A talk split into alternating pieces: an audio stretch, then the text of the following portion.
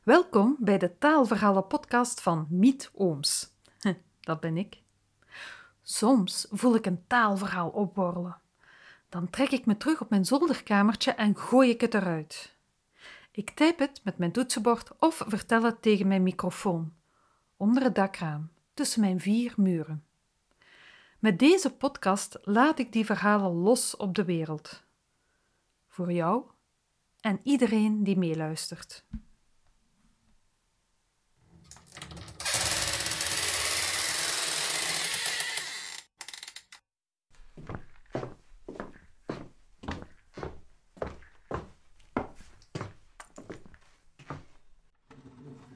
Het jaar in woorden.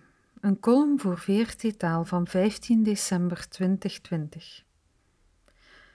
December is behalve de wintermaand ook de woordenmaand. Dan duiken immers de jaarlijkse woord van het jaar verkiezingen weer op, onder meer bij Vandalen. Het zijn dus wedstrijdjes, erg populair zelfs, maar zonder menselijke winnaar. Bijzonder, vooral de heuse campagnes die aan de verkiezing vooraf kunnen gaan en de discussies achteraf als de winnaar bekend is. Zo is in 2019 Winkelhieren woord van het jaar geworden in Vlaanderen, na een campagne van ondernemersvereniging Unizo die het woord gelanceerd had. Waar komen die woorden nu vandaan? Uit verschillende bronnen, meestal media.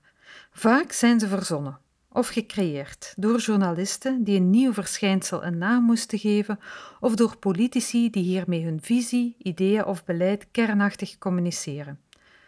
Maar het kunnen ook creatieve vindsels van een bekende Vlaming of Nederlander zijn, populaire hashtags of woorden uit succesvolle campagnes, zoals winkelhieren.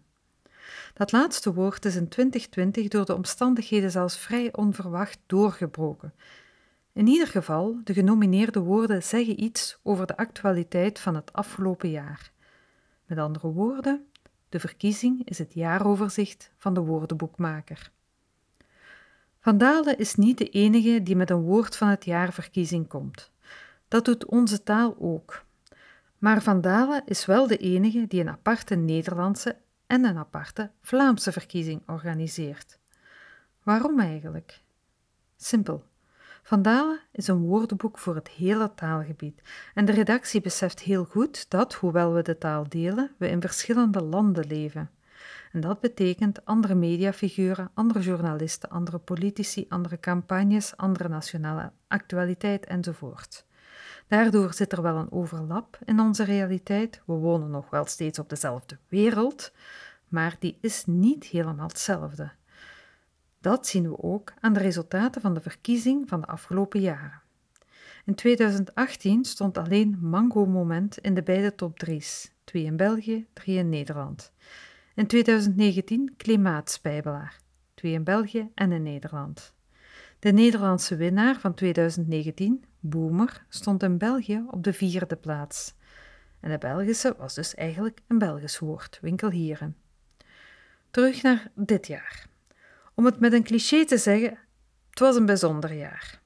De actualiteit werd in heel de wereld door één thema overheerst: het virus.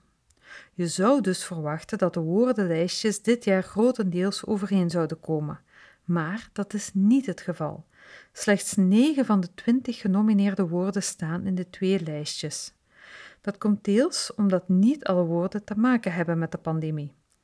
Voor België zijn dat bijvoorbeeld dutjestaks, een bedrag dat wordt gevraagd als een jonge kleuter een dutje doet op school, Vivaldi-coalitie, de naam voor de coalitie die de huidige federale regering vormt, vriendenaandeel, een investering die particulieren kunnen doen in een KMO, en voor Nederland gaat het onder meer over infodemie, de enorme hoeveelheid eventueel valse informatie die via sociale media wordt verspreid, klimaatwanhoper, Iemand die wel gelooft in de klimaatverandering, maar denkt dat alle inspanningen zinloos zijn.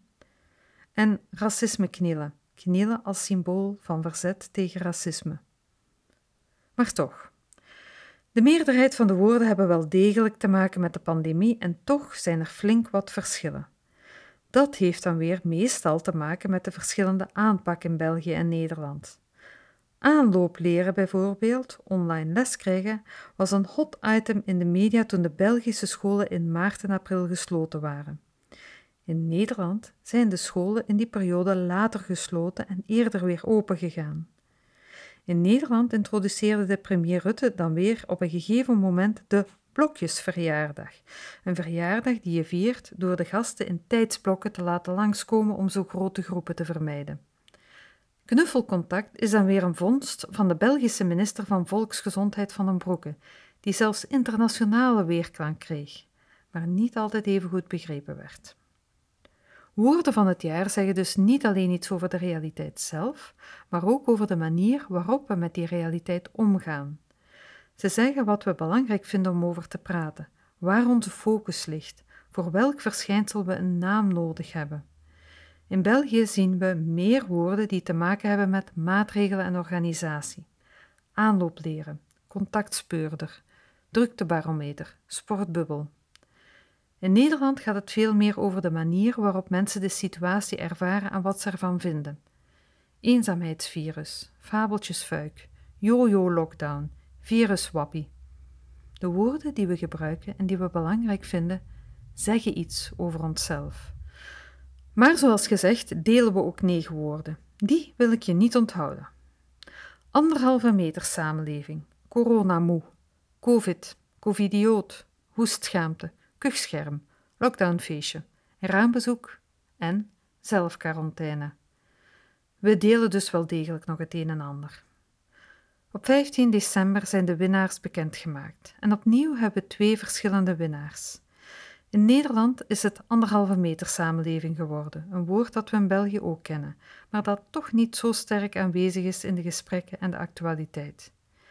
Nederlandstalig België heeft zelf gekozen voor zijn internationale succeswoord: knuffelcontact.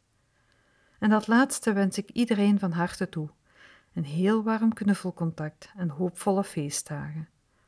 Ondanks alles.